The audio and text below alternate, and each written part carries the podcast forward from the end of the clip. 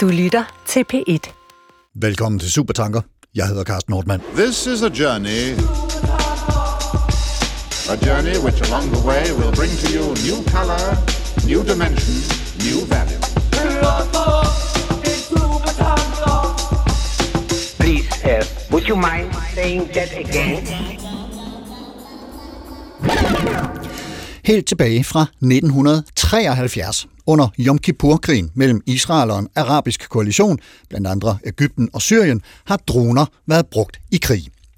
Under bemeldte konflikt sendte Israel droner i stedet for at fremprovokere, at Ægypten skød hele sit antiluftskytsarsenal af, hvilket lykkedes, og bagefter var det relativt nemt for israelerne at vinde efterfølgende sejre. Og fra omkring år 1980 er droner blevet brugt til såvel overvågning og rekognoscering som affyring af missiler. I 2013 sagde filosofen og lingvisten Noam Chomsky sådan her. Et droneangreb er et terrorvåben. Vi taler ikke om det som sådan, men det er det. Forestil dig, at du går ned ad vejen, og du ved ikke, om der om 5 minutter er en eksplosion på den anden side af vejen, sendt fra et sted op i himlen, du ikke kan se. Og den engelsk-amerikanske tv-vært John Oliver sagde i 2014, Børn i andre lande fortæller os, at vi har fået dem til at frygte himlen. Men altså, vi tager udgangspunkt i Chomsky til en begyndelse. Et droneangreb er et terrorvåben. Vi taler ikke om det som sådan, men det er det. Og så denne her, en eksplosion på den anden side af vejen, sendt fra et sted oppe i himlen, du ikke kan se. Sune Witt, filosofistuderende på Aarhus Universitet. Velkommen til dig. Tak skal du have. Det er ikke så længe siden, du var på besøg her i Supertanker, hvor vi talte om de ikke sårbare krigsoffre. Det var i slutningen af marts 22, og med udgangspunkt i et citat af filosofen Judith Butler fra hendes bog Krigens Rammer. Og i den samtale fik vi introduceret tilpas mange løse ender til, at vi synes, det giver mening at øh, fortsætte samtalen, og det gør vi så også denne gang i selskab med dig, Iben Yde, folkeretsjurist og adjunkt ved Institut for Militær Teknologi ved Forsvarsakademiet. Velkommen også til dig. Tak for det. Men vi åbner lige hos dig, Sune, for det er dig, der har fundet det her Chomsky-citat, og, og faktisk også John Oliver-citatet. Vil, vil du ikke lige øh, lægge ud med at fortælle, hvad din relation er til Chomsky? Jo, altså sådan øh, filosofisk og politisk, så må jeg jo nok indrømme, at jeg rider lidt samme kæphest som øh, Chomsky. jeg vokset op i et øh, hjem, hvor vi ikke lige frem havde Reagan hængende på væggen, for nu at sige det mildt. Så den her kritik af øh, den amerikanske dobbeltmoral, sådan i forhold til mål og midler, den, øh, den passer meget godt ind i min sådan øh, bekræftelsesbias. Og så øh, handler det jo om krigen i Irak i 2003, og det passede med, at øh, min alder og politisk interesse var, for frem, var så fremskrevet, at jeg kunne begynde at følge med i det. Ja. Så, øh, så jeg sprang på toget, da, da biasen den kom min vej forbi. Så, så, så du øh, gik ind, øh, ligesom Chomsky, med sådan en, en, en lidt vred øh, USA-kritik, og, og det, det knamer også for galt, alt det der. Ja, sådan en, sådan en øh, idealistisk øh, tømmerlærling, der stod på stiladset og troede, han vidste det hele. Og her fik vi så lige at vide også, at du faktisk har været tømrer, før du øh, kastede ja. over filosofien, og det er jo fuldstændig fremragende. Det her citat, bare lige ganske kort, vi kommer til at folde lidt mere ud sådan situationen omkring, hvor, hvor, hvor, det, hvor det er, er opstået, men, men, men øh, sådan mere, hvad skal man sige, faktuelt, hvor, hvor stammer citatet fra? Jamen, det stammer fra 2013, et medie, der hedder Media Roots, hvor uh, Chomsky taler om uh, den amerikanske droneindsats, som nu er kørt på 10. 12. år i, efter 9-11. Ja. Så det er ligesom scenen for det. Glimrende. Og i møde, som sagt, folkeretsjurist og adjunkt ved Institut for Militær Teknologi ved Forsvarsakademiet. Øh, bare lige kort, har du en relation til, til Chomsky, som vi tager udgangspunkt i i dag? Øh, ja, det har jeg. Øhm, jeg er heller ikke vokset op i et hjem, hvor, øh, hvor Reagan hang, øh, hang på, øh, på, væggen. på væggene. Øh, til gengæld så, er, så arbejder jeg jo øh, for det danske forsvar, øh, nu på Forsvarsakademiet, og har måske en lidt anden holdning øh, og lidt andet syn på militære operationer. Øh, og, øh, og jeg synes ikke altid, at... Øh, at den kritik, øh, der kommer øh, mod moderne teknologi, øh, er fuldstændig berettiget. Jeg synes tit, den, den, øh, den forfejler, den er forfejlet i den henstand, eller forstand, at man, at man ligesom slår teknologi og den måde, den bliver anvendt på over en kamp.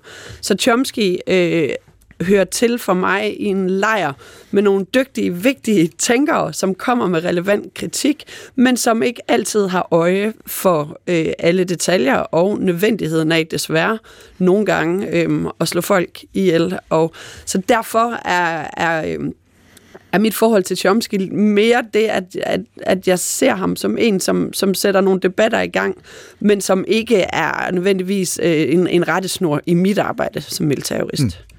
Og så vil jeg også øh, godt, øh, inden vi starter den her samtale, høre dig, om man inden for altså, skal man sige, folkeretten og, og juraen og sådan noget har en, en, hvad skal man sige, den korte definition af, hvad er terror? Altså har vi ligesom sådan et, et, et udgangspunkt i, når Chomsky taler om, at det er et terrorangreb, er, taler det så ind i en definition, som eksisterer? Nej, det taler ind i en debat om, hvad for en definition vi skal anvende. Der findes simpelthen ikke en øh, entydig definition øh, på, på det her begreb, men der er ligesom nogle elementer, der oftest går igen. Og det er, at terror i sin øh, essens er enten øh, altså handlinger i form af vold eller trusler øh, om vold, som har til hensigt at enten skræmme eller vække redsel i en befolkning i et land. Øh, Civilbefolkning. Ja, ja, eller at øh, tvinge en regering eller en organisation til at handle eller afstå fra at handle på en bestemt måde, eller simpelthen til at destabilisere et samfunds økonomiske, sociale eller politiske strukturer. Øhm, og det vil ofte være med et ideologisk, en ideologisk motivation, der, der ligger bag de her handlinger. Og, og lige præcis det her med at, at folde, hvad skal man sige, terror-ideen eller terror-definitionen i det omfang, vi kan tale om en sådan, det, det kommer vi meget mere ind ja. på i det følgende.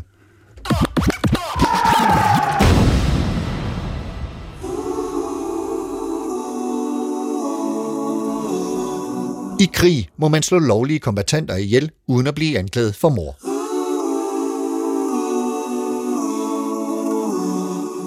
Det er sådan krig er. Men så er der det der med, hvem der er kombatanter.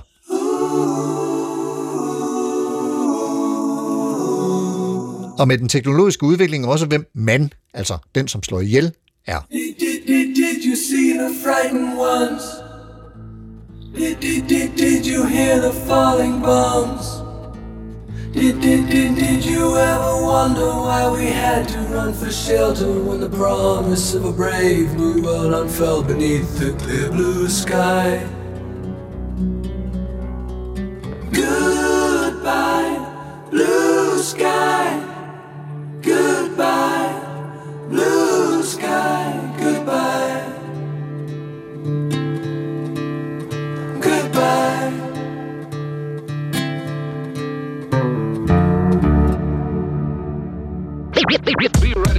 Instant action. Prepared for anything and everything. Da Supertanker slap dagens to gæster sidste gang, var Sune Christensen i gang med at fundere over behovet for at manipulere, måske endda redefinere, begreberne kombatant og krig, hvis vi skal retfærdiggøre brug af autonome våben. I dette tilfælde ubemandede droner, som manøvrerer og handler, styret af kunstig intelligens. En algoritme, altså uberørt af menneskehånd, ubeset af menneskeøje. Algoritmen udser sig fjenden og slår til autonomt. I mødes umiddelbare respons var, at definitionerne af kombatant og krig ikke har noget at gøre med teknologien, og det er jo en yderst relevant pointe. Men tilbage står alligevel spørgsmålet mellem, hvad vi kan gøre og hvad vi bør gøre.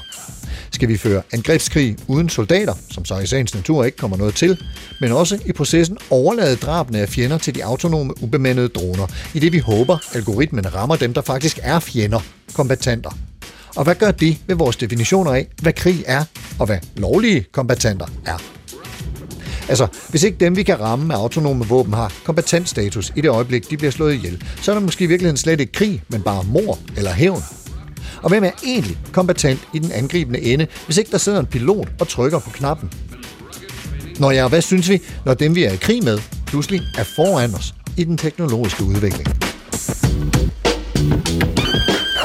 A drone strike is a terror weapon. We don't talk about it that way, but it is. Sune Witt, øh, vil du ikke prøve at fortælle lidt om konteksten for det her udsagn, som altså er Noam Chomskys, øh, og jeg refererer det på dansk for et øjeblik siden. Altså, hvad sker der omkring Chomsky på det her tidspunkt øh, af såvel fysiske handlinger som, som tankestrømninger, som foranleder ham til at sige det her? Øh, den amerikanske dronekampagne i Irak og Afghanistan, øh, den har været i gang i en øh, 10-12 år på det her tidspunkt. Og øh, det Chomsky han siger, det er, at, øh, at der er kommet sådan et behov for retfærdighed i USA efter 9-11. Og det gør ligesom, at man, man skaber et narrativ og en fortælling om en eller anden form for ren og kirurgisk øh, måde at føre krig på med de her nålestiksoperationer. Så det er et narrativ om, at man kan få fat på dem, som har gjort os ondt, øh, uden ligesom at, øh, at lade det gå ud over andre civile i det land. Så det er ligesom det narrativ, der bliver dyrket. Chomsky han siger så, at det er langt hen ad vejen er falskt, og det øh, man i, for, i, i virkeligheden gør, det er, at man beskytter andre soldater ved at bruge droner og dermed udsætter, altså, øh, får man risikoen over på de civile, det så går ud over, som jo ikke er ens egne civile. Men det, det må godt lige uddybe. Altså beskytter andre soldater. Hvad, hvad ligger der i det? Altså hvis man går ind og skal have fat i en terrorleder i, øh, i Afghanistan for eksempel, så skal man måske ind med ja, øh, 50-100 mand og lave en eller anden form for angreb og få fat på den her person. Ja. Der kan en drone jo hænge og svæve i et par døgn, indtil man finder Og vedkommende. vente på, at han, han eller Ja. hun kommer forbi. Lige præcis. Så, så, så, øh, så det er ikke for de civile skyld, det er for ens egne kompetenter og ens egne interessers skyld. Ja. Og det man så gør der, det er, at man får at beskytte sig selv, så indgyder man den her latente vold, som Iben snakkede om er en del af terrorens natur, den indgyder man sådan set i de civile afghanere, øh, Yemen, Pakistan, de her steder, hvor det foregår. Og det er jo i virkeligheden den terror, man gerne vil undgå. Ja, men, men, men det, som, som, som uh, Chomsky så uh, kritiserer her, eller den kritik, han, han uh, rejser, hvad, hvad, hvad, hvem er den rettet imod så? Ja, den er jo rettet mod USA selv. Altså Chomsky, han gør det, at han laver sådan en form for, in, altså en immanent kritik af selve det amerikanske system. Så i stedet for at sige, at det amerikanske system eller en tænkemåde er dårlig, fordi noget andet er bedre, så siger han i stedet for, altså kritiserer systemet på systemets egne præmisser. Mm. Og siger, at vi vil gerne udrydde terror, for vi vil ikke acceptere den her latente vold. Det, der så bliver resultatet, det er latent vold for nogle andre. Kort sagt, det skal vi enten indrømme, eller også så skal vi lave det om, hvis ikke vi vil have, at det skal være sådan. Så det, der kommer ud af sådan en intern kritik, det er, at der bliver rejst nogle spørgsmål, som jeg vil godt medgive, øh, hvad Iben siger, at det bliver strammet tit, og Noam Chomsky, han strammer den altid helt op. men, men, men når man laver den her form for immanente kritik, så rejser man nogle spørgsmål, man ikke kan ignorere, fordi man kan ikke bare sige, jamen det er bare fordi, du holder med de andre. Mm. Så man bliver kritiseret på sin egen banehalvdel. Men, men, men er Chomsky den første, der bringer den her idé på banen om, at droneangreb er et terrorvåben, øh, styret af så, det må jo så være en eller anden regering, som har en milits, der har droner. Jeg tror, ikke, jeg tror ikke, det er rimeligt at sige, at han ligesom er den første, der siger det. Altså, altså de, her, de her terrorangreb bliver jo eskaleret langsomt i løbet af den her kampagne i Mellemøsten, og, og narrativet ender med ligesom at blive sendt more drones. Altså Okay. okay. flere penge. Ja. Fordi at krigen bliver jo mere og mere brutal. Den bliver svær, det bliver sværere og sværere at få fat på de her øh, folk, vi gerne vil have fat på, og, og narrativet hjemme i USA falder ligesom fra hinanden. Der kommer flere og flere soldater hjem i bodybags. Så på den måde, så kan man sige, at droneangrebene tager til efterhånden, som krigen bliver mere besværlig, og på et tidspunkt, så, så knækker filmen så på en eller anden måde. Mm. Iben. Jamen, jeg vil, jeg vil gerne påpege, at jeg synes, at Chomsky har nogle pointer helt klart her. Men jeg vil også gerne sige, at mange af dem handler specifikt om den amerikanske krig mod terror, og den måde, man vælger at gøre det på, den politiske godkendelsesproces på målene, der ligger bag den mangel på mulighed for en retfærdig rettergang, de her folk går på, og selvfølgelig konsekvenserne for de civile i områderne. Sådan behøver det ikke være. Droner bliver også brugt i væbnet konflikt til at levere bomber, som ellers ville være blevet leveret af bemandede fly.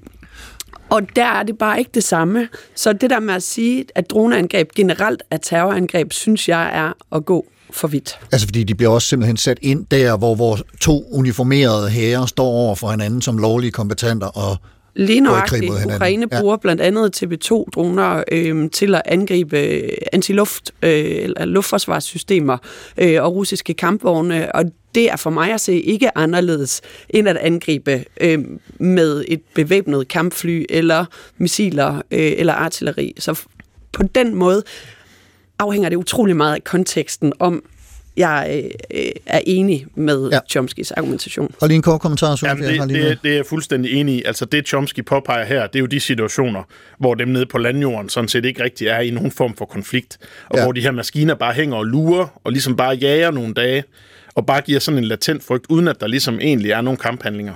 Så det er fuldstændig rigtigt, den her kritik vil være, vil være hus forbi i for eksempel Ukraine. Ja.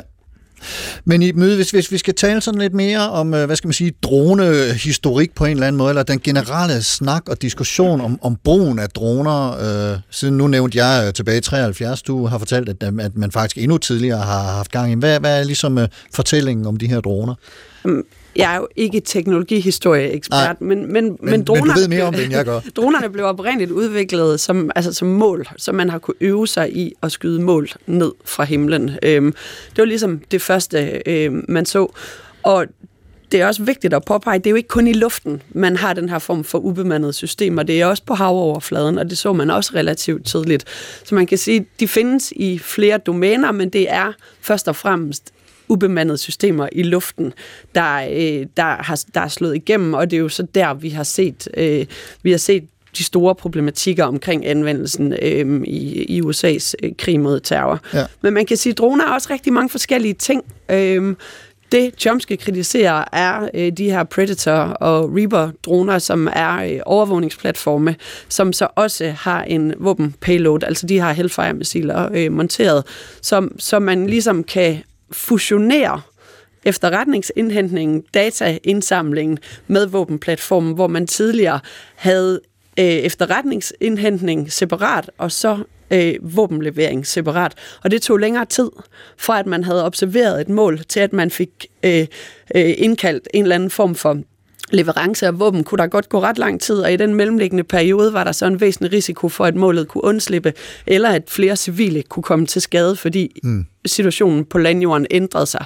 Så man har nu fået skabt den her meget, meget potente kombination af efterretningsplatform og øh, våbenplatform. Men, men er der en bevægelse i gang, som øh, på hen mod, at, at for eksempel, at øh, nu, nu kalder vi luftvåbnet ind til at fyre nogle missiler ned her, som vi har set i forskellige Vietnamfilm og andre, så øh, altså ind, ind med nogle jæger og smide noget napalm, og det skal være nu, at, at, at, at det er ved at blive erstattet af, øh, af droner, som dybest set hænger og er klar mere eller mindre 24-7, øh, og så kan man nogen trykke på knappen, når det bliver relevant.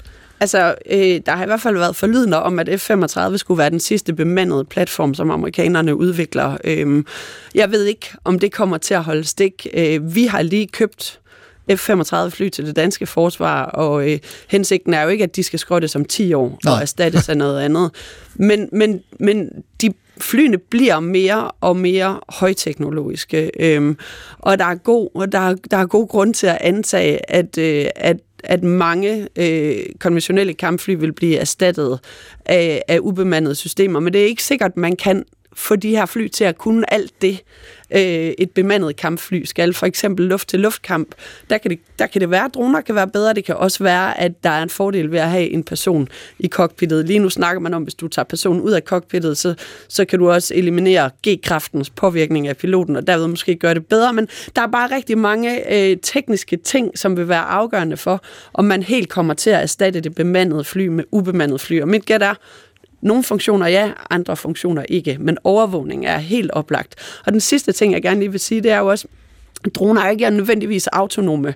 Den måde, vi ser dem anvendt på, øh, har set dem anvendt på, når vi taler Reaper og Predator-droner, øh, af det amerikanske øh, luftvåben, der har de jo været fjernstyret. Altså der har du haft en pilot, som bare har siddet hjemme i Nevada side, ja. eller i Ja. Emiraterne og styret den her platform på samme måde, som vedkommende ville have gjort, hvis han havde siddet i cockpittet. Så, så der er vi jo ikke ude noget autonomt. Hvorimod TB2-dronerne, som vi ser anvendt i, øh, i Ukraine lige nu, øhm, ikke er fjernstyret, hvis øh, forlyden holder stik. De er simpelthen programmeret til at gennemføre angreb uden menneskelig indblanding. Det er meget mere interessant.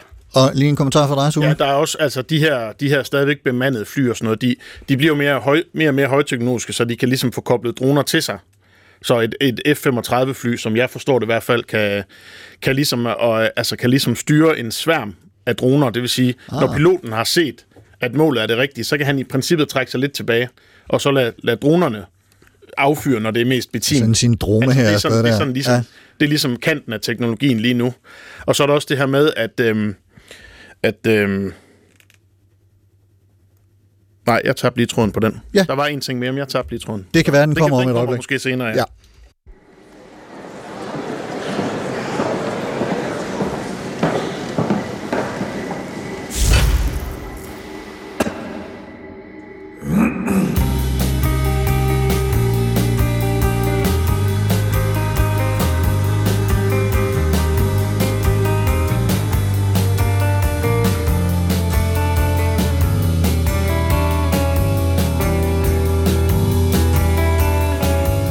Så lige ham der, Noam Chomsky. Hvem er det, han er?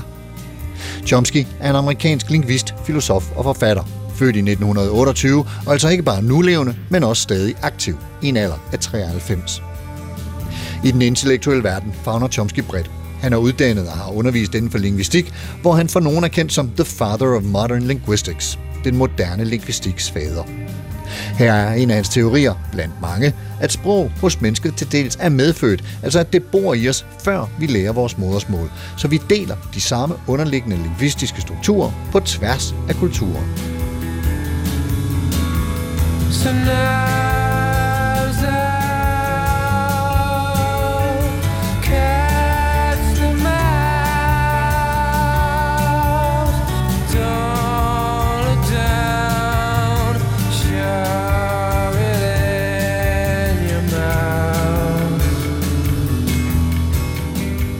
Chomsky har også spillet en stor rolle inden for udviklingen af feltet Cognitive Science på dansk kognitionsvidenskab, som er betegnelsen for den tværfaglige undersøgelse af tænkning, kognition og tænkningens underliggende processer.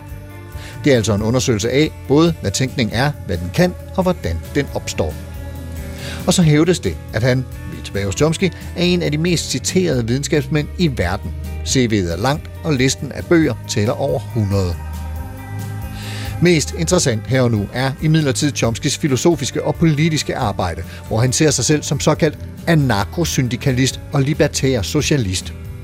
Syndikalisme er en strømning inden for arbejderbevægelsen, der søger at opnå socialisme via faglig og økonomisk kamp frem for parlamentarisk politik. Og når man så får et anarko til, implementerer man altså eksplicit anarkistiske idéer i syndikalismen og radikaliserer dermed også syndikalismen i forhold til andre ideologier. Og libertær socialisme er en antikapitalistisk revolutionær libertær socialistisk platform. Faktisk blev der i 2009 stiftet et parti i Danmark ved navn Libertære Socialister. Men han er altså en rabiat herre, herr Chomsky, og det kommer til udtryk i mange af hans udsagn.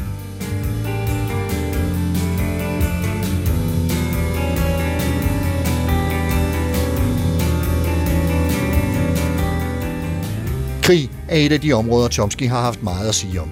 Allerede i 1967 skrev han en artikel, The Responsibility of Intellectuals, altså de intellektuelles ansvar, som argumenterede mod Vietnamkrigen. Allerede på det her tidspunkt var han en del af antikrigsaktivismen, hvilket fik ham arresteret flere gange og gav ham en plads på præsident Nixons liste over politiske modstandere. Siden da har han haft stor fokus på krig, primært amerikansk krigsførelse, fordi USA har været militært og økonomisk dominerende i hans levetid, og han har været en stor kritiker af amerikansk imperialisme. Det er der kommet flere bøger ud af, for eksempel Hegemoni eller Overlevelse fra 2003.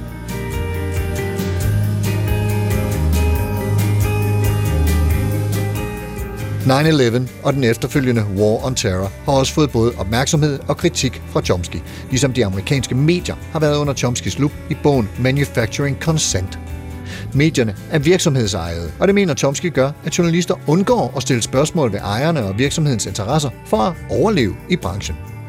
Ifølge Chomsky er der for eksempel adskillige nyheder, der ikke bliver bragt, fordi det ville sætte ejerne af den pågældende virksomhed eller USA i et dårligt lys. So now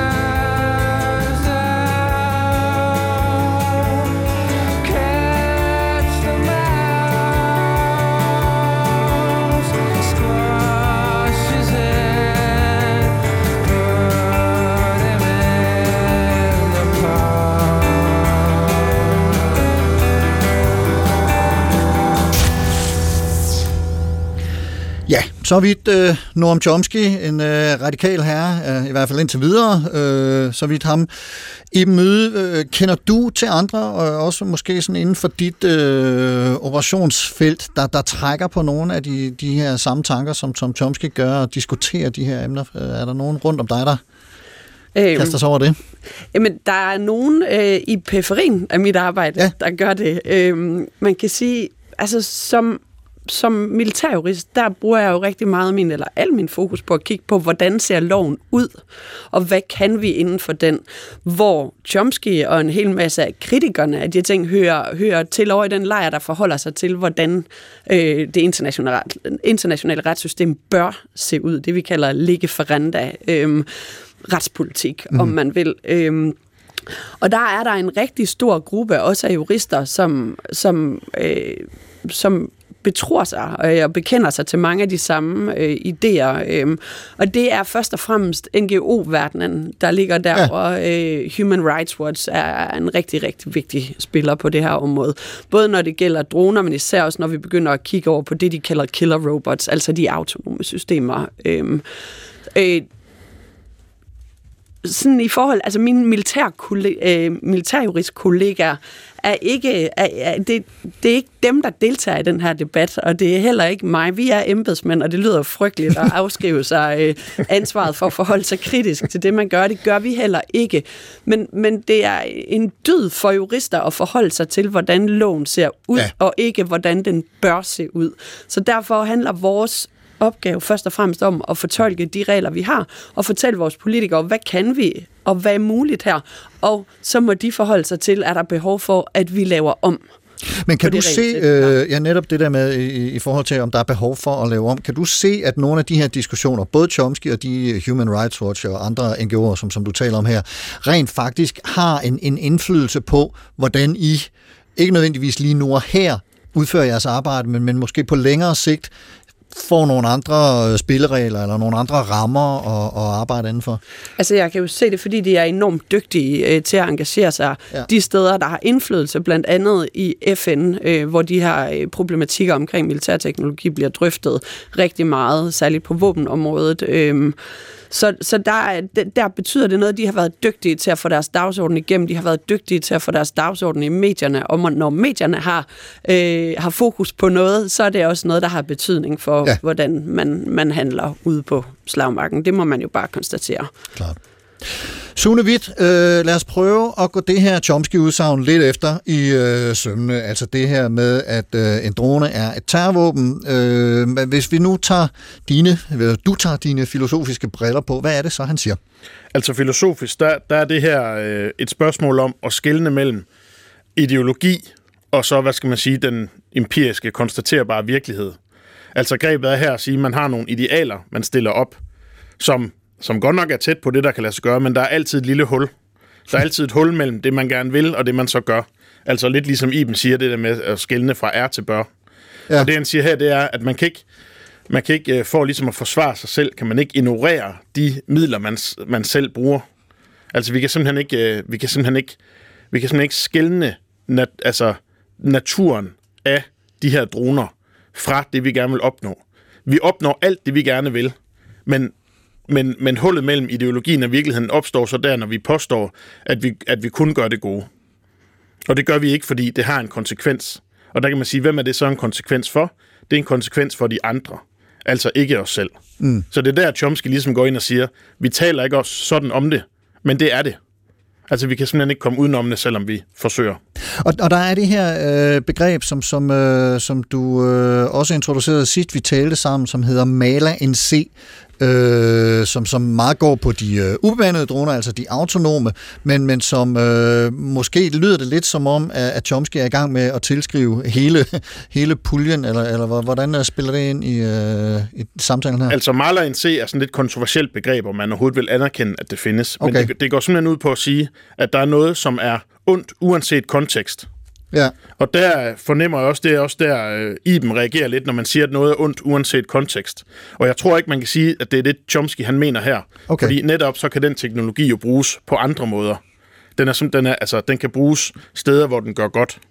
Men Marla NC går ud på at sige, at de autonome droner, som ikke er afhængige af et menneske, der kan lave en fejl og blive håndansvarlig for det, den har ligesom et indbygget, den har det problem, at, at algoritmerne bliver så komplicerede, at der opstår sådan et black box problem. Det vil sige, at vi har ikke, vi har ikke adgang til præcis at sige, hvorfor den agerer, som den gør. Og det, er det jeg så sagde i, i sidste program, det var så, at den handler arbitrært. Og det er måske også lidt en stramning, men det er måske mere præcist at sige, vi ved ikke, om den er tilfældig. men hvordan opstår det black box problem? Det er fordi, jeg kan Den- ikke se, hvad det nogen har den- jo vel proklameret. Ja, men, men, men selv ret simple kunstige intelligenser, der kan du godt programmere, men du kan ikke bagefter få et feedback, der aflæser præcist, om, om den har gjort det, du skal i den rækkefølge, du gerne vil. Vi kan træne den, og det er, de, det er der, at virkeligheden og, og idealismen øh, Clasher. ko- ko- clasher lidt, fordi Ja. man kan jo træne den til millioner, millioner, millioner gange at gøre det rigtige. Men, men vi kan dybest set ikke se, om kriterierne er opfyldt, som vi gerne vil. Og problemet er så at sige, at det er en eller anden form for arbitrær vold. Og arbitrær vold, det indgår som en del af de våbne, der er forbudt ifølge krigens love. Og det har du en kommentar til, i måske ikke lige det sidste, Ja, men du jamen, vi var uenige sidste gang øh, om, om spørgsmålet om, hvorvidt det er arbitrært eller ej. Men der, hvor den sorte boks i min optik opstår, er jo, at når vi taler om machine learning, altså maskinlæring, mm-hmm. algoritmer, der på grundlag af data lærer at genkende forskellige typer objekter, så beder vi en computer, en algoritme om at lave en algoritme, der kan løse det problem, og vi giver den ikke opskriften. Vi giver ikke reglerne for, hvordan den skulle genkende det her. Det finder den selv ud af ved at gennemgå data. Hvorimod en traditionel form for programmering, der skriver du opskriften. Og okay. Så bruger du den, altså algoritmen som regnekraft, som en, som en meget, meget potent måde at komme hen til at få udført den opgave. Men du har defineret de trin, så derfor så kan du også, er der transparens, du kan, du kan se, hvad det er for nogle mellemregninger. Vi kan se læreprocessen. Ja, det kan vi. Og det kan vi ikke, når vi taler machine learning, og slet ikke, når vi kommer ind i meget sådan, øh, dybe, sofistikerede former for neurale netværk, hvor, hvor det er ekstremt svært at kigge ind i algoritmerne. Så den her black box problematik er faktisk helt reel, når, sådan som Sune øh, fremhæver det. Ja. ja. Men ja, og moralfilosofisk er det også et spørgsmål om, hvilke paradigme du ligesom synes, at du vil opstille dine kriterier efter. Man kan sige, sådan noget som maler en C og sådan noget med menneskerettigheder, det går jo på, at den enkelte har nogle personlige rettigheder, som ikke må brydes. Ja. Ja. Det kan man sige, det er jo sådan en eller anden form for deontologisk tradition, som vi også var inde på lidt sidste gang. Det andet, det er jo noget med, at man ligesom holder tingene op for og imod hinanden. Altså, hvor gode er de autonome droner og droner i det hele taget til at skelne mellem kompetenter og ikke-kompetenter. Og hvad er, hvad er mængden af vold, vi udøver i forhold til resultatet? Og det kan man sige, det er også vigtige komponenter i krigens love, men det er ligesom om, det bare ligesom deler sig i to, hvor man kan sige, man kan ikke rigtig få den bedste af begge verdener. Fordi hvis vi fjerner det her øh, maler en C black box komponent i de autonome droner, hvis vi på en eller anden måde forsøger at fjerne dem, så har vi jo så så simpel en teknologi, at den ikke kan løse det problem, vi gerne vil løse. Så vi kan ikke rigtig, sådan som jeg ser det, opstille øh, fordele og ulemper, og så bare gå i gang med at fjerne ulemperne. Og det er det, der ligesom er Fordi problemet. så dur de ikke, dronerne. Nej, et eller andet sted ikke, men altså, det, jeg må, det kan være, Ja, at i jeg hvert bliver fald til klogere det, over vi det årene, men, men det er ligesom om, og det er også noget af det, Chomsky han er inde på, man kan ikke bare stille for og imod op mod hinanden, og så bare fjerne ulemperne. Det er ikke sådan, det fungerer. Nej, men jeg, altså, jeg er med på blackbox-problematikken, men man skal også huske på, at man bruger den her form for maskinlæringsbaserede algoritmer i meget, meget snævert afgrænsede funktioner. Mm. Det vil sige, at du har en drone, den kan være autonom, i og med, at den selv kan lette flyve ud, øh, indsamle data, på den baggrund udvælge sit mål, smide sit våben og flyve tilbage igen. Men maskinlæringsdelen af det, der ligger formentlig på nuværende tidspunkt kun i selve målgenkendelsen. Resten er der formuleret regler, det vil sige, det er programmeret eller regelbaseret programmering. Og der kan du opstille betingelser. Så, der, så selvom du bruger machine learning i et system til at genkende et mål, så kan du gå ind og formulere for eksempel en regel om, at hvis der lige pludselig er mennesker i nærheden af det mål, man skal dræbe, så må du ikke affyre dit våben, eller så skal der en eller anden reach-back-mekanisme ind, så du skal omkring et menneske, så man ligesom tager autonomien ud af systemet i, meget, i, i Okay, ekstra så der er komplekse. Jamen, rum det er ikke bare enten eller. Det er ikke fordi, vi bruger machine learning, så er det her system fuldstændig raw, og Nej. vi aner ikke, hvad der sker. Det bliver formentlig en at tale om, at der er behov for at kombinere maskinlæring med mere regel, øh, regelbaseret programmering. Og, og der er en af mine pointer i det, jeg har skrevet og sagt, at der er det rigtig vigtigt, at vi laver den regelbaserede del af programmeringen missionsspecifik. Det vil sige, at vi inden vi aktiverer systemet, kigger på de konkrete angreb, der skal gennemføres, og går ind og opstiller regler for, hvor mange civile eller hvor mange mennesker må være i nærheden. Hvad er det for en type mål? Må vi gå efter mennesker, eller er det kun materiel, Ja. vi kan angribe? Hvornår, hvor lang tid må systemet være i luften og så videre, så vi ligesom på den måde mitigerer risikoen for, at uskyldige rent faktisk bliver ramt, eller at vi kommer til at angribe et ulovligt mål. Så det lyder som om, man kunne faktisk godt lave en, lad os, lad os kalde det en engangsdrone, som, som ved præcis, hvordan Osama Bin Laden ser ud. Ja. Og øh, så har den nogle regler for, hvor mange der må være omkring Osama Bin Laden, mm-hmm. før den sætter sit angreb ind. Er, Ja. Er det, det, det det, vi taler om? Ja.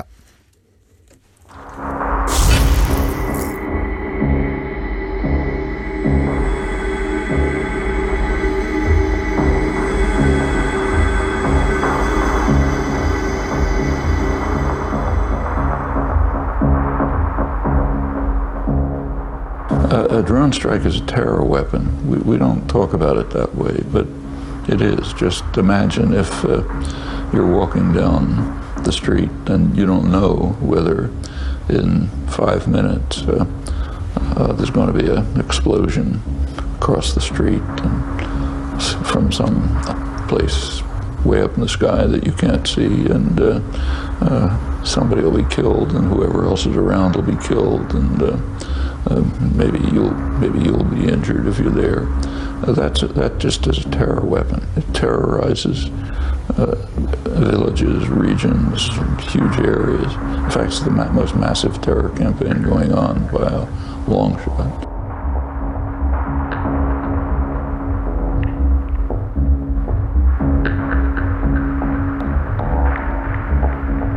Hvis man betragter Pablo Picassos berømte maleri Guernica, får man et meget præcist billede af terror.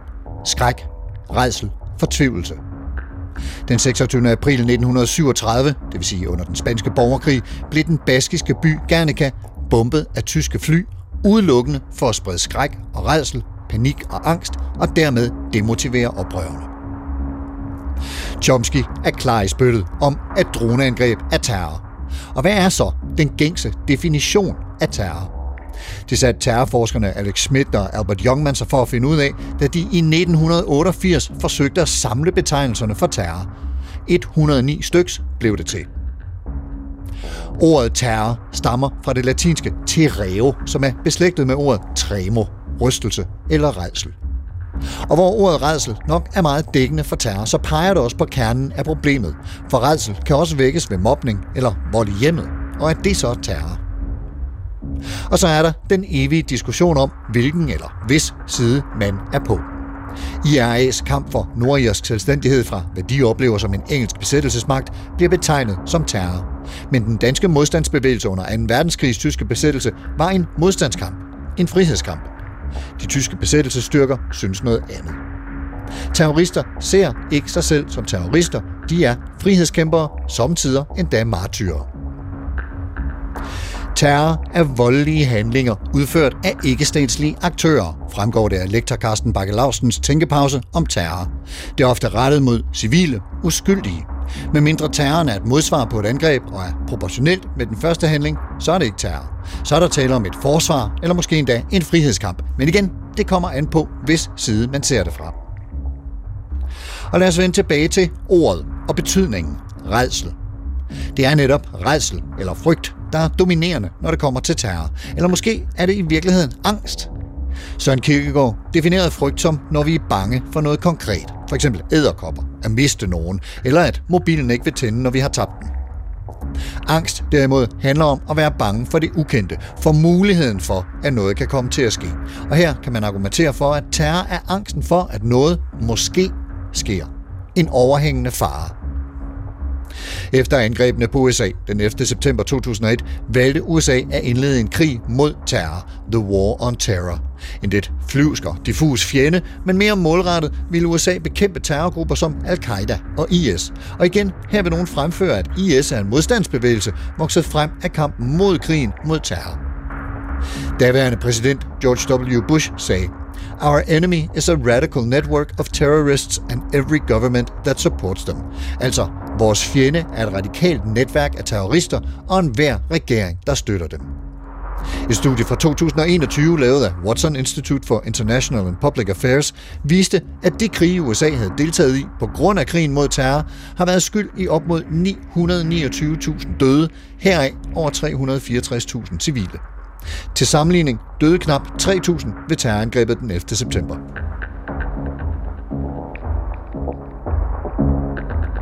If you grow up underneath drones, it's going to affect the way you see the world. Listen to this 13 year old Pakistani boy whose grandmother was killed in a drone strike. I no longer love blue skies.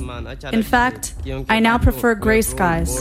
The drones do not fly when the skies are gray, and for a short period of time, the mental tension and fear eases. Look, it is completely natural for us not to want to think about the consequences of our drone program. But when children from other countries are telling us that we've made them fear the sky, it might be time to ask some hard questions.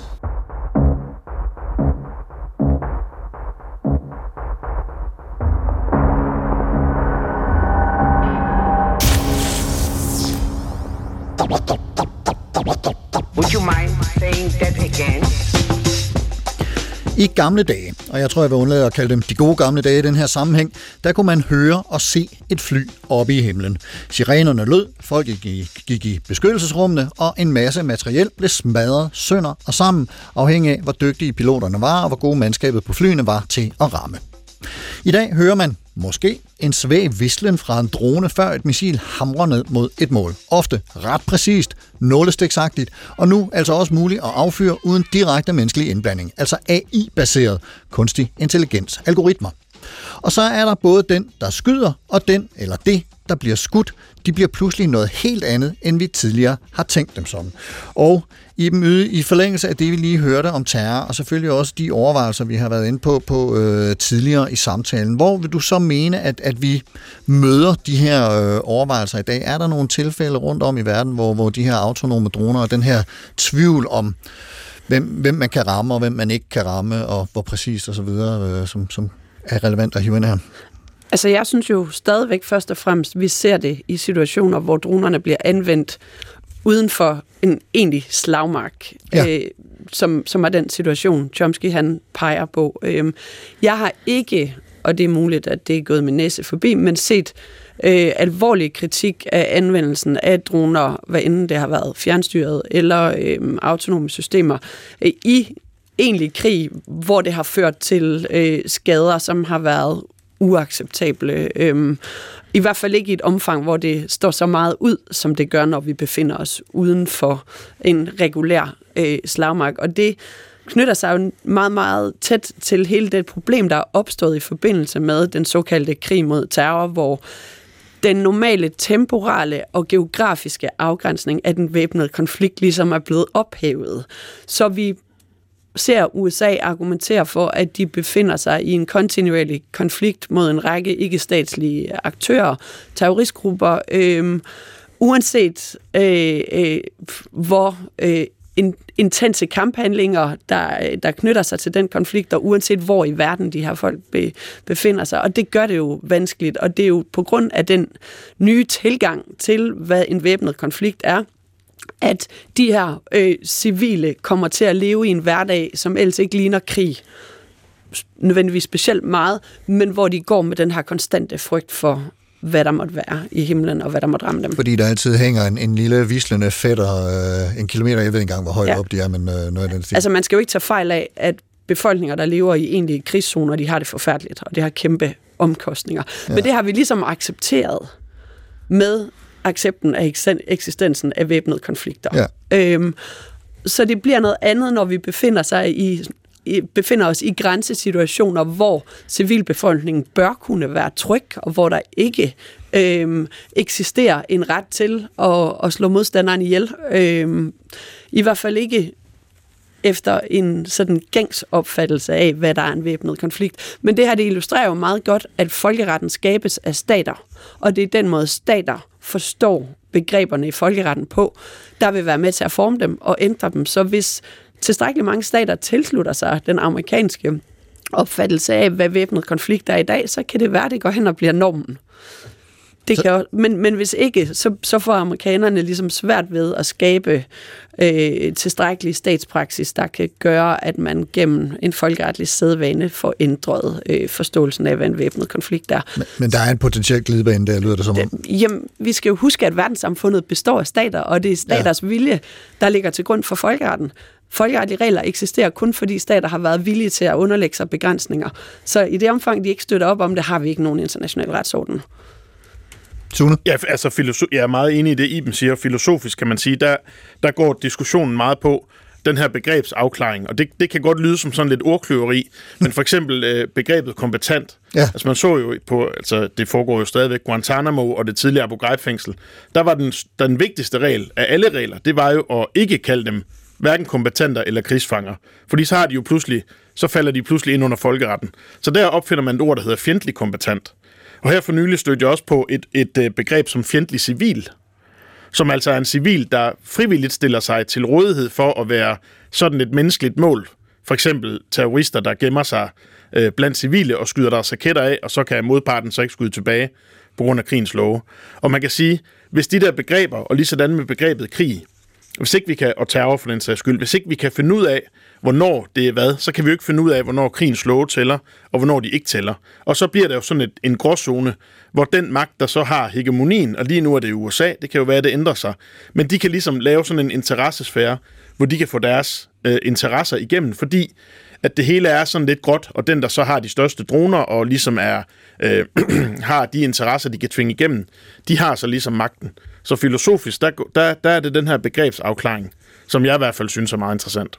Men, men er der noget, der, der tyder på, at vi for eksempel, nu, nu vi taler om de her autonome droner, kan i stedet for at udstyre dem med et civil øh, slået vrøvl, missil, øh, kan udstyre dem med en riffel med et sindssygt præcist kikkertigte, og så sige, det er ham der, eller hende der, og, og så øh, lære netop nogle af de der, som ikke nødvendigvis har iklædt sig en eller anden hers uniform, og derfor fremstår tydeligt og 100% klokkeklart som lovlig kombatant, men en eller anden, øh, der som du siger, render rundt ind i en folkemængde og, og skyder noget af, og så skjuler sig lidt i den civile folkemængde igen. Altså er der, er der nogle balancer et eller andet sted, man kan opsøge der? Ja, men den person skal jo stadigvæk kunne identificeres som Ja. kompetent. Hvis du ikke rigtig kan blive enig med dig selv om, hvad en kompetent er, så har du jo stadigvæk det problem. I Så, så ja. Jamen, og man skal også bare huske på, at øh, noget af det, vi ser øh, oftere og oftere, det er, at i, i asymmetriske konflikter, hvor du har en part, der både sådan størrelsesmæssigt, magtmæssigt og, øh, og teknologisk er klart dominerende i forhold til den anden, men så, så vil den modstander øh, adoptere en eller anden form for øh, altså helt bevidst strategi, hvor de udnytter folkeretlige begreber til deres fordel. Så for eksempel ikke adskiller sig fra civilbefolkningen, men gemmer sig blandt dem, fordi det er den måde, de kan eksistere på. Det er ved at gemme sig. Øhm, bruger civile som skjold, spekulerer i at gøre det svært for modstanderen at ramme dem, netop ved at, øh, at manipulere eller bruge de, øh, de regler, som modstanderen følger, men som, som den mindre underliggende øh, ikke-statslige aktør, eller stat for den sags skyld, øh, ikke ser sig bundet af på samme måde. Så, så lige så snart krigen går i gang, så begynder øh, aktørerne i krigen faktisk at, at, at bøje reglerne Mhm. mm-hmm. i folkeretten og, og prøve at finde grænserne for, hvor, hvordan de kan agere. Ja, og det er jo ikke kun amerikanerne, der skaber, eller danskerne, eller hvem det nu er, vi er ude, der skaber den farlige situation for de civile. Det er også den part, der vælger bevidst at gemme sig blandt civilbefolkningen og udnytte de begrænsninger, vi har, som gør det her farligt, fordi så ophæver de den klare sondring, som man havde i gamle dage, hvor man kæmpede på en flad mark uden for en by, hvor der var kompetenter i, øh, i uniformer, og ja. du kunne kende forskel. Den ophæver du, så det er ikke kun os, der har et ansvar. Det er også den fjende, vi kæmper mod. Så kan man jo så gå i gang med at diskutere, giver det mening at bekæmpe underliggende små øh, små aktører på den måde, vi, har, vi gør eller har gjort det tidligere. Men uanset om det giver mening, så er de med til at mudre begreberne for, ja, hvem der er i kompetent. min eller ej. opfattelse klart. Ja, en af, en af de helt store øh, altså fordele, det er jo, at en maskine kan jo ikke øh, gå amok. Den har jo ikke noget brug for hævn. Den har ikke brug- nogen brug for at beskytte sig selv, og den har ikke nogen øh, altså behov for ligesom at gøre gengæld, og en, en autonom drone kan jo heller ikke begå en massakre, så skal det i hvert fald gå helt galt, men sandsynligheden er jo meget, meget lille. Men det betyder jo også samtidig, at et autonom våbensystem så heller ikke kunne, vil heller ikke i samme grad kunne vise tilbageholdenhed. Altså, hvordan får man et autonom øh, våbensystem, hvad det end er, til at se, hvornår fjenden faktisk er på vej til at overgive sig, for eksempel. Mm. Hvordan viser den noget? Hvordan tøver den i det rette øjeblik? Ja, vi kan ikke lære den at genkende et hvidt flag eller en øh, Jo, hænderne så, op. øh, jo, jo, men så hejser alle fjenderne der bare et hvidt flag. Ja, det Og så er man jo lige hvidt. Det tager jo ikke mange sekunder. ja. Så, og så på den måde, så på den måde og, og der, der er problemet jo også sådan moralfilosofisk set, at når det ikke er et menneske, der tager det afgørende valg, så, så er der sådan en eller anden intuitiv øh, modstand på. Fordi, fordi en, en kombatant har for eksempel heller ikke rigtig nogen alder, som de nuværende. Okay. Det vil sige, en, en, øh, i den bog, Iben øh, anbefalede sidste gang, der er sådan et eksempel med, at, at en, øh, en forhyrte, en pige på en 13-14 år, går rundt om de her soldater, amerikanske soldater, der ligesom ligger og, og lurer på nogle talibaner nede i en landsby, og pludselig går det op for dem, at hun taler i radio, hun faktisk afslører, hvor de er henne. Og det gør hende jo et eller andet sted, måske, måske, alt efter definition, til kompetent. Og den pige vil et autonom våbensystem måske sætte ud af kraft på den ene eller den anden måde. Men som, som eksemplet her, så er der, der kan man sige, de soldater, da de så må tage flugten, fordi de er blevet afsløret og kommer hjem i deres lejr, så er det slet ikke, altså det er slet ikke på tale, at de skulle have skudt den pige. Nej. Så der har du igen sådan et problem, hvor man kan sige, er det menneskerne, der har det sidste ord, eller er det en eller anden form for maskine? Og den bog, som øh, du lige refererer til her, den kan man finde titlen på på Facebook-siden Carsten Ortmann Radio, hvor også alle de andre anbefalinger fra sidste gang ligger, og anbefalingerne fra denne her gang kommer til at ligge.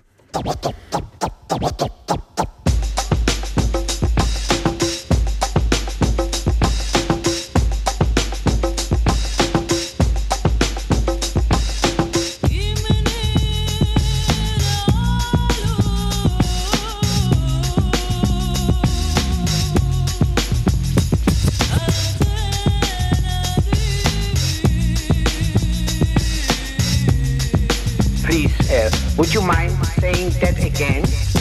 Thinking of a master plan. Supertanker, Sune, Iben, Karsten og Noam Chomsky, og det er Sune Witt og Iben Yde, og så er det muligvis nogle flere Chomsky-agtige typer. Øh, Sune og Iben, er I stødt på andre tænkere eller teoretikere, der har fat i de her problemstillinger, som det er værd lige at, at trække ind her, øh, som, som nogen, der måske har noget at sige øh, ind i samtalen? Altså det her med autonomi, det er sådan en moralfilosofisk trend, kan man sige. Ja. Er, der, er der et eller andet, er der et grundlæggende skæld, når det er en maskine og ikke et menneske, der tager den sidste beslutning. Og der er sådan en som Robert Sparrow for eksempel, har skrevet nogle artikler om, om, øh, om, der, om der sker et eller andet. Det, det, det ligger så lidt op af det her, om det er ondt i sig selv. Altså om det, om det er grundlæggende disrespektfuldt, at vi lader en maskine slå et menneske ihjel. Altså det her med krig og det her med at være kompetent er en eller anden form for intersubjektiv øh, bevægelse, hvor, hvor man er i gensidig fare og har ret til gensidig selvforsvar. Så hvis den ene part er en maskine, kan vi så overhovedet tale om en krigens etik? Det er sådan ligesom uh, supertrenden, uh, eller ikke supertrenden, men det er en supertrend, som jeg lige om lidt sætter i gang. Ja. Det, det er ligesom uh, filosofisk op af det her, Ja. som, som ikke er så meget teknisk, men mere den der moralfilosofiske, sådan grundlæggende tanke omkring, hvad sker der, når det er en maskine over for et menneske. Og meget kort, tre ord om Sparrow. Uh, jeg har kun uh, tre ord om Sparrow, og det er han hedder Robert Sparrow, og han er filosof. Men jeg kan ikke sige om ham. Nej, Han, er, han er ikke en men- stor kanon, men... Uh, En filosof. Ja. ja. Og Iben, du markerede. Jamen, ja, men Sparrow, vi har også en person som øh, Noel Sharkey, øh, som også har været ekstremt øh, aktiv. Igen hører de jo øh, i min optik til på øh, ekstremistfløjen i forhold Ja. til at virkelig at have en dagsorden og køre den. Og den luksus har de jo. De tilhører begge to, øh, enten akademia og eller øh, NGO-samfundet. Øh, hvis man skulle prøve at kigge på en, som rent faktisk, en af de få, der ikke øh, kritiserer, men rent faktisk taler for, øh, i højere grad at anvende automatiserede autonome systemer og robotter, så, øh, så findes der en fyr, der hedder Ronald Arkin, øh, som sidder på Georgia Tech. Øh, han er ikke filosof, skal det siges. Han er robotingeniør. Øh, jeg ved ikke, om, Det er jo også relevant i den her Ja, sammenhæng. ja jamen, jeg skal ikke gøre mig til dommer over, hvornår nogen er tænker, og hvornår de ikke er. Men han har i hvert fald helt klare holdninger til, at han mener, at vi kan gøre det bedre med maskiner. Han arbejder på at lave en ethical governor øh, tilgang, så finde ud af, hvordan vi kan gøre øh, robotter ikke bare lige så gode som mennesker, men egentlig bedre. Han taler om, at de kan outperforme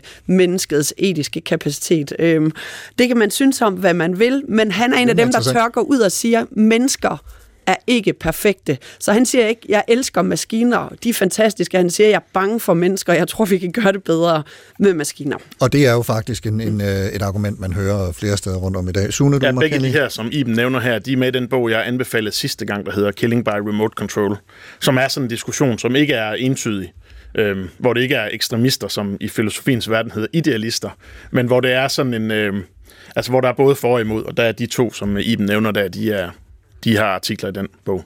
Herligt. Og det var simpelthen den super optankning, vi nåede øh, for i dag. Tiden er, er ved at være gået, og øh, vi når ikke mere. Sune Witt, filosofistuderende fra Aarhus Universitet. Mange tak, fordi du kom igen og foldede krig og kombatanter og øh, droner ud for os i dag. Det var godt lige for den samlet op.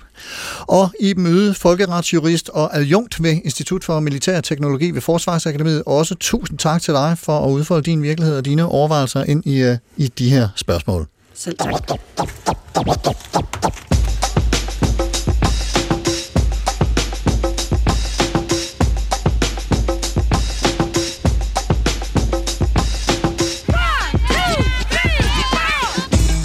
Og endelig, altid, som altid, mange, mange tak til dig, kære lytter. Husk, at man kan høre og genhøre den her udsendelse i appen DR Lyd, vores glimrende app og webunivers, og man kan se anbefalinger fra de medvirkende musikplaylister og skrive ris, ros eller kommentarer på Facebook-siden Carsten Ortmann Radio. Jeg bliver glad, når nogen gør det, altså skriver og riser eller roser, og det gør jeg også, hvis du kan lide, hvad du hører, og føler dig foranledet til at dele det med venner og familie. Programmet i dag var tilrettelagt af Astrid Pedersen, Bettina Olsen og mig. Jeg hedder Carsten Nordmann. Programansvarlig er Mette Line Torup. Ha' en rigtig god uge og på genhør.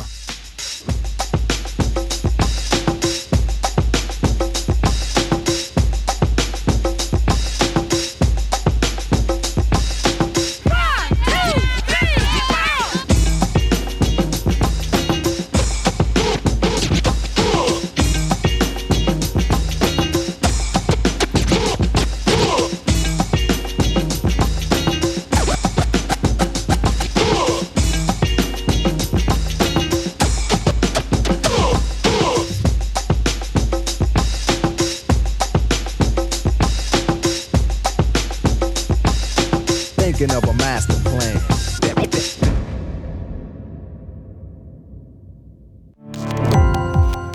Gå på opdagelse i alle DR's podcast og radioprogrammer. I appen DR Lyd.